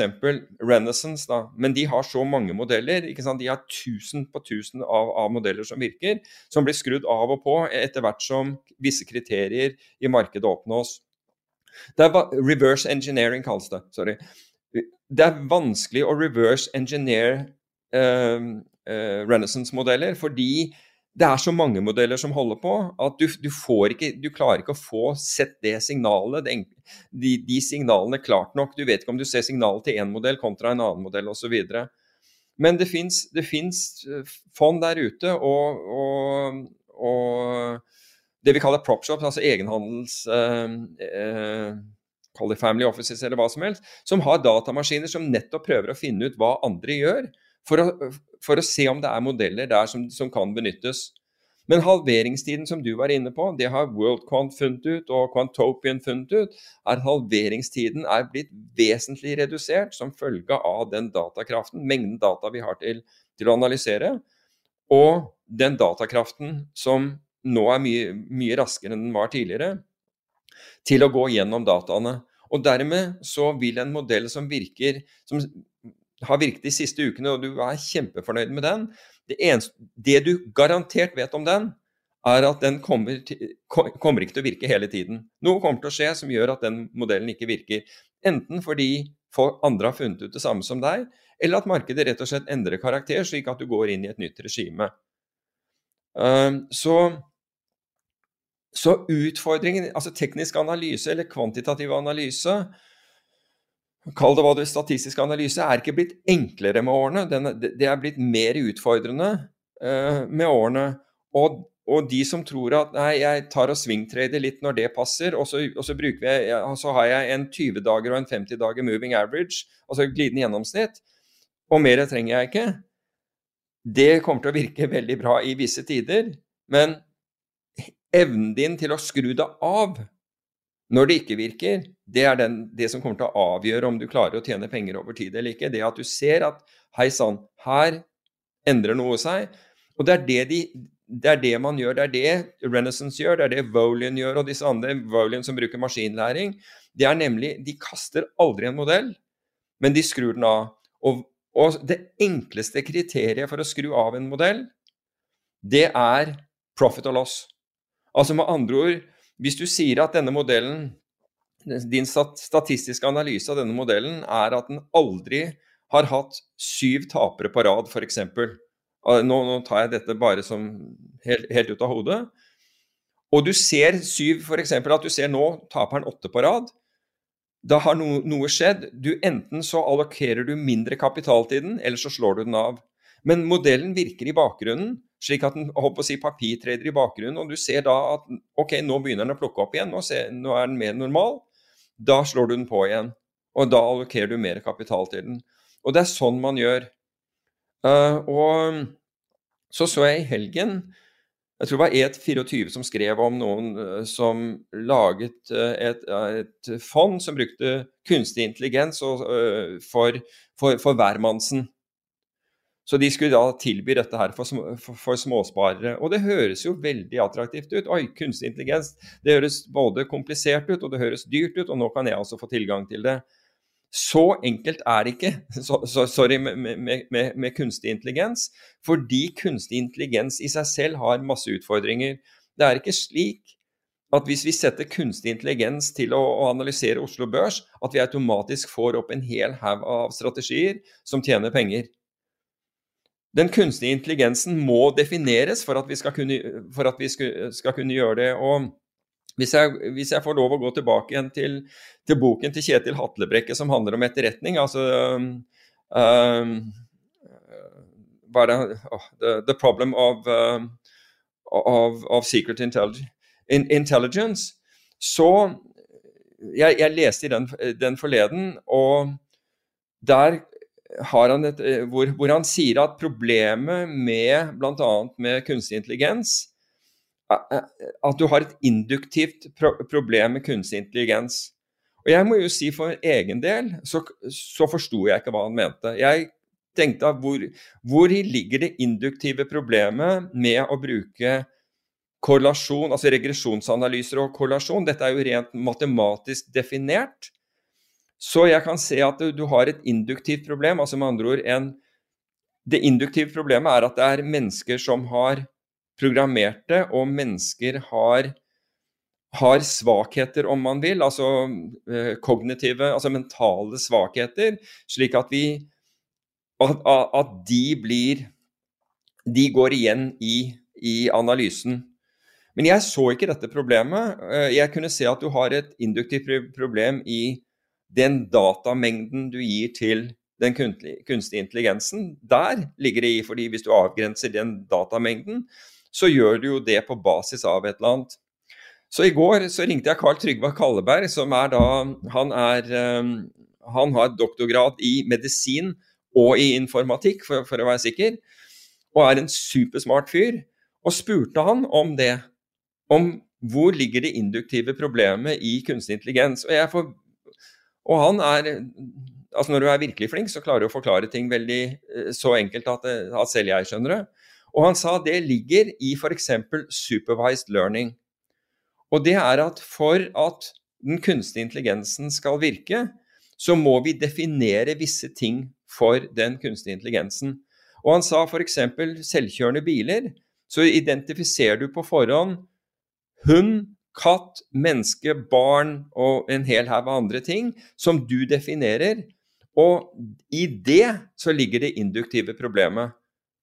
Fordi Ta f.eks. et barn som går ut i veien foran en, en selvkjørende bil, så, så, viker bilen til side umiddelbart og kjører heller inn i en annen bil eller et annet menneske eller noe sånt. Men hvis det barnet gikk og bar på et kosedyr som gjorde at at fasongen av det barnet ble annerledes, så ville ikke så ville ikke den kunstige intelligensen nødvendigvis klare å identifisere dette som et barn og, og, kjøre på det. Altså Dette er en veldig forenkling, og det er jeg sikker på at, uh, at, at folk innenfor, i Tesla som kommer til å gå si at ja, det der har vi dekket med, med, med alle mulige ting. Men poenget mitt er at når noen hiver opp og, sier at her lager vi et, et, fond med kunstig intelligens, alle problemer er løst, vi, vi tilbyr det til, til hvermannsen, så er verden er ikke så enkel. Det kan godt hende at disse menneskene er flinke, det vet jeg ikke. Men her ville jeg gått inn med ganske mye sunn skepsis for å være sikker på at de her leverte, leverer de bedre enn det, enn, enn det hvem som helst kan, kan gjøre.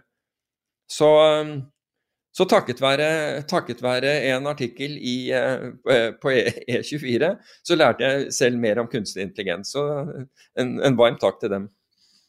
En kan jo også si at uh, i den virkelige verden så har man jo sett at kunstig intelligens er mye vanskeligere enn man skulle tro.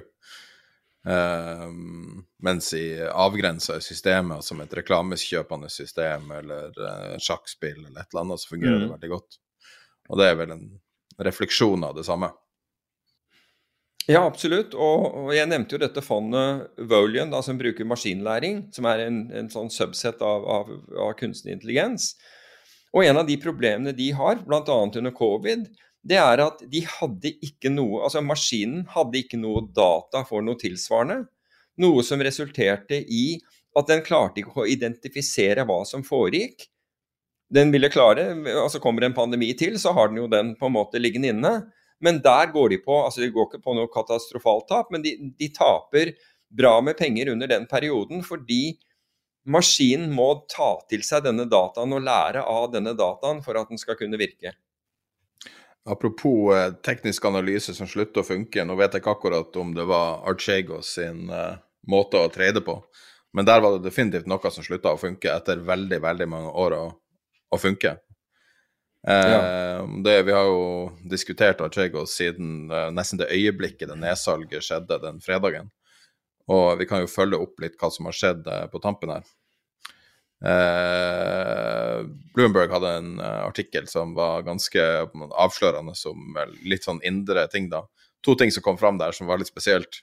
Bill Wang, da, som ingen hadde nesten hørt om før det her skjedde, viste seg at i mai i fjor var han en av verdens rikeste. Så hadde han bare casha ut da, så hadde han vært en av verdens rikeste.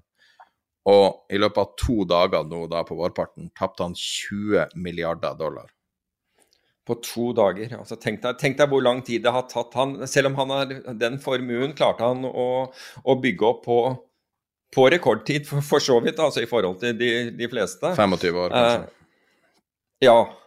Ja, det er mindre altså hvis, ja, Jo, du kan, ja, hvis du tar helt tilbake til, eh, til Tiger-tiden, så kan du jo kan du hevde det, men den blir borte på to dager.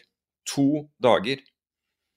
Um, det er en annen ting som er interessant, og som vi hadde med i forrige, vår forrige episode, som handlet om long term capital management og problemer Vi, vi snakket om swapper i forbindelse med Achego, for han hadde jo gjort total return swaps.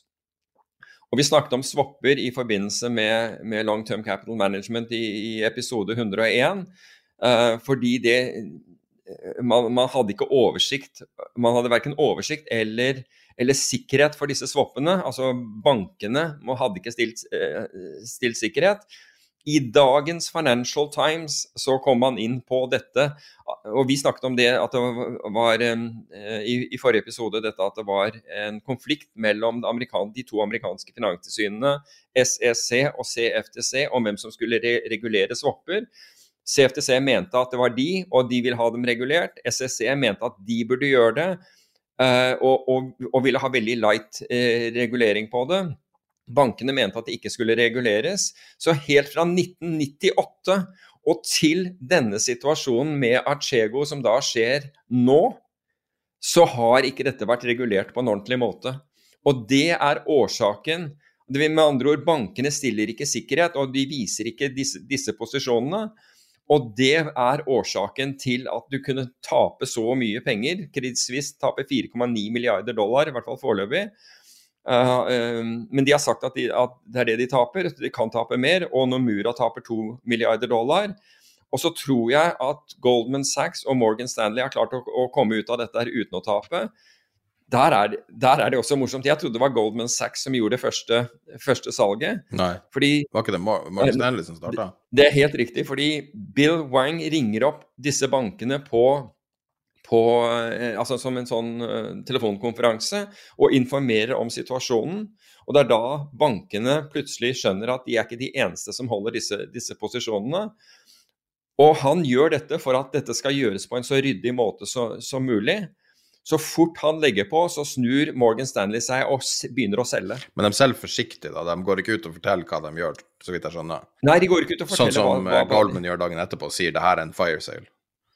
Og det ja, var vel det de, som gjorde at til, til sine egne kunder. Ja. Til sine egne kunder. Um, og det var jo masse Man snakker jo veldig mye negativt om hedgefond i media og sånn, men det var jo kjø, kjøperne av en rekke av de blokkene var hedgefond. Som da gikk Ja. på en smell øyeblikkelig. Ja, nettopp. Så de, de ringte opp sine hedgefondkunder og, Og brente dem. De, de, og brant dem på akkurat samme måte som de, gjorde, under- de, de samme bankene gjorde under finanskrisen. Det er en Um, annen ting i den der uh, Bloomberg-artikkelen som, som slo meg, som liksom hoppa litt ut fra sida, og som en del folk har fått med seg. Det er koblinga mellom eh, eh, Bill Wang og Cathy Woods i ARK. At han Mm. er en slags mentor for henne. Eh, og at begge to er hyperreligiøse. De blir beskrevet som Ja. uvanlig uvanlig kristen. Og at de har hatt eh, bønnemøter liksom, på jobb og sånn. Jeg syns det er litt sånn besynderlig eller interessant at folk som har sånne, sånne fenomenale oppturer, som til en viss grad er basert på tro Altså, de, de tror på markedet, de tror på, på tidobling og hundredobling av aksjer og sånn, og sånne ting som man normalt veldig sjelden hører fra en forvalter eller, eller en investor. Mm. Og at de da har tatt så tilsynelatende stor risiko basert på til en viss grad tro, da. Det var jeg ikke klar over. Bare Ja, altså jeg, jeg vet ikke om du kan koble Ja, ja. Du skjønner hva jeg tenker, i hvert fall. Ja, vi- vi- Hvis noen ville ta, ta risiko basert på tro, så måtte det jo være de som, de som virkelig tror. Ja. Eh, vil, vil jeg sagt. Jeg tenker at det er en, en eh, mega-asset å bare tro på en eh, divine kraft som guider deg. Og sånn, ja. Ja, absolutt. Og Bill Wang altså han, han levde jo et ganske moderat liv i forhold til, til sin, sin rikdom. Kjørte rundt i en, uh, i en, en eller annen helt vanlig japansk bil og, og bodde, bodde ikke spesielt eh, eh, spesielt flott, men ga mye penger til, eh, til religiøse formål. Jeg vet ikke hvordan det er med Cathy Wood, og det, men, men det er jo interessant altså, å se at dette At vi drar med oss feil fra 98, altså ting som du ble påpekt i 98 var skyld var, var, var en stor del skyld i at det gikk galt. Også hvordan bankene reagerte. Det drar vi med oss til finanskrisen og videre til, til nå. Det, men det vi ser, og som er en interessant sak, er fordi hvorfor hvor, altså, Poenget er at bankene visste at, ikke, at markedet er så tynt, og det er, det vi har snakket om mange ganger i denne, denne podkasten. Hvis du vil ut og selge, det er lett å kjøpe. Du, du, du påvirker ikke markedet veldig mye hvis du skal kjøpe, men skal du selge noe, så får du det vi kaller slippage. Og jeg nevnte jo han eh, som jobbet for det britiske pensjonsfondet, som sa akkurat det der. Det er, det er lett å kjøpe, det er vanskelig å selge, og de ser nå at slippage er altså mye høyere enn normalt. Altså når de skal Vanlig justering av sine porteføljer, det de må selge, det, de får ikke i nærheten av den prisen som er i markedet, fordi markedet blir borte med en gang de, de forsøker å, å selge. Og dette er ikke noe fire sale, dette er helt norma, normale porteføljejusteringer. Og bankene, altså disse aktuelle bankene vet da at, at dette markedet er sårbart, og, og er da livredde for å bli sittende med disse posisjonene og sitte, sitte med denne risken. Men det vi har sett dukke opp nå, og ble bl.a. gjort i Tencent-aksjen, det er block trades. Altså trader som gjøres utenfor markedet, hvor du ringer opp et antall investorer, altså store investorer, og plasserer blokker. Den, det har økt voldsomt nå de siste månedene. Det er måten man forsøker å ordne opp i når, når du trenger likviditet. Det er at du tilbyr aksjer med rabatt til store investorer der ute, som da blir båndlagt fra å, å, å, å, kunne utnytte dette på noen annen måte eller, si, eller fortelle andre om det. De blir, de blir holdt som innsidere. Men nå er blokktrading altså, tilbake igjen. Og på toppen av det hele så har det duk, dukket nå opp en helt ny dark pool som den største eh, private, eller den største ikke-bank-marketmakeren innenfor valuta, XTX i London, har nå satt opp en, en dark pool for aksjer. nettopp for for å bedre da likviditeten, slik at du kan vise, eh, vise, den blokken du skal selge i en dark pool, altså som rett og slett er en, en markedsplass hvor, hvor man, ikke ser, man, ikke ser, hvem det er som selger osv. Eller kjøper for den, den, den saks skyld. Så du ser at bransjen, altså den profesjonelle delen av bransjen, har langt på vei erkjent, uten, og ikke uttalt, men, men erkjent, problemet som er i markedet nå, nemlig mangel på likviditet. Og får vi et, altså Skulle det begynne å brenne på dass, så, så, vet vi at markedene er supertynne. Så en del av disse bankene har begynt å tenke da på ok, hva gjør vi under sånne? Kan vi, kan vi forbedre denne situasjonen noe med å lage da et system for store handler, altså block trades, og flere dark pools, fordi børsene har high frequency tradere kun, og high frequency marketmakere, som stikker med en gang de ser et volum. Vi kan jo kanskje avrunde med det som kommer nå, eh, litt relevant til det du sier. Eh, de neste tre ukene så skal USA, eh, amerikanske finansdepartementet, selge eller ha auksjoner for 370 eh, milliarder dollar i statsgjeld, som er den største mm. månedlige auksjonen de har noensinne hatt. Kommer litt på tampen av en volatil periode for, for statsobligasjoner. Så det blir spennende å se. Om det er noe viktig eller ikke, det er jo vanskelig å si, fordi at det er så mye store tall i alle mulige retninger. Men det er jo 370 milliarder, da, så det er jo litt. Ja, jeg hørte en som kommenterte det, en, uh, en obligasjonsinvestor. Amerikan som Han sa at den kan ikke gå galt. Han sa at her, den, den får ikke lov å gå galt. Altså hvis Den kan bare ikke gjøre det for konsekvensene vil bli så store. Så han hadde faktisk ingen tro på at denne gikk galt. Han, han mente at, uh, at uh, sentralbanken, eller det er jo egentlig amerikanske finansdepartementet som, som, uh, som, som, står bak dette, det er sentralbanken som utfører det, men at de tar da kontakt med banker og, og altså de store på, på, forhånd og sørger for Han mente at de ville gjøre det, at dette her dette går, altså denne blir gjort, fordi konsekvensene er så, så, enorme at det kan ikke skje. Så enkelt var det. Så han hadde ingen tro på at den feiler. Ja. Nei, Time will Altså, det her er et uh, På tross av lavere VIX og alt sånt, så er det nå en underliggende nervøsitet knytta til alle de her auksjonene. Bare det at man snakker om statsgjeldauksjoner, er jo Det er jo relativt nytt, da. Noe man som regel gjør i veldig uh, betente markeder. Så uh, det er verdt å ha med seg, i hvert fall. Ja, jeg, altså jeg husker vel tilbake på 80- og 90-tallet var vi opptatt av, av de. Uh, da, var, ja, da var man opptatt av det. Men du har helt rett, altså, det har jo ikke vært tema i flere tiår. Og det er jo, hvis du har lyst til å se hvordan det ser ut når en gjeldsuksjon virkelig feiler, så kan du eh, gå på YouTube og søke på Hypernormalization, som er en dokumentar som er nevnt flere ganger her. Og den starter med en feila gjeldsauksjon for eh, New York State, eller New York City, var det vel. Eh, der, mm. der, bankene bokstavelig talt ikke møter opp. Altså de skal, har møte inn på det rommet, og så kommer bare New York City. Um, og, og, det var da en sånn veldig sånn symbolsk vridning, der man endra veldig mye måte fra den tida. da det jo mange måter å tolke det på, men det interessante der er at man kan fysisk se hvordan en feila auksjon ser ut. For nå i dag mm. så vil det jo være i et forholdstall en, i en Bloomberg-flash, og alle kommer til å hyle og skrike hvis det går galt. Men det går ikke an å filme det. Mens uh, hvis du ser der i starten av den, uh, så ser du det tydelig. Men skal vi avrunde der, Peter? Har, uh, det kan vi. Når vi har ukentlige episoder, så er det så lett at vi glir ut. Og vi lager, vi lager så utrolig mye innhold i løpet av uken. Så man må jo nesten moderere seg sjøl litt, så man ikke snakker seg helt om. Ja, akkurat. Jeg trodde vi skulle ligge i, på en time, men jeg ser at vi er godt over. Ja, men det var Vi hadde en, uh, en uplanlagt uh, ymse bitcoin og diverse diskusjoner i starten som jeg tror mm. kom på toppen. Men da er vi ferdig med episode 102. Du kan besøke tiderpenger.no.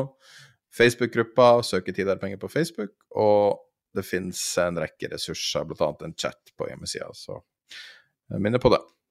Uh, OK, ses om en uke. Even on a budget, quality is non-negotiable. That's why Quince is the place to score high-end essentials at 50 to 80% less than similar brands. Get your hands on buttery soft cashmere sweaters from just 60 bucks, Italian leather jackets, and so much more. And the best part about Quince, they exclusively partner with factories committed to safe, ethical, and responsible manufacturing. Elevate your style without the elevated price tag with Quince. Go to quince.com slash upgrade for free shipping and 365-day returns.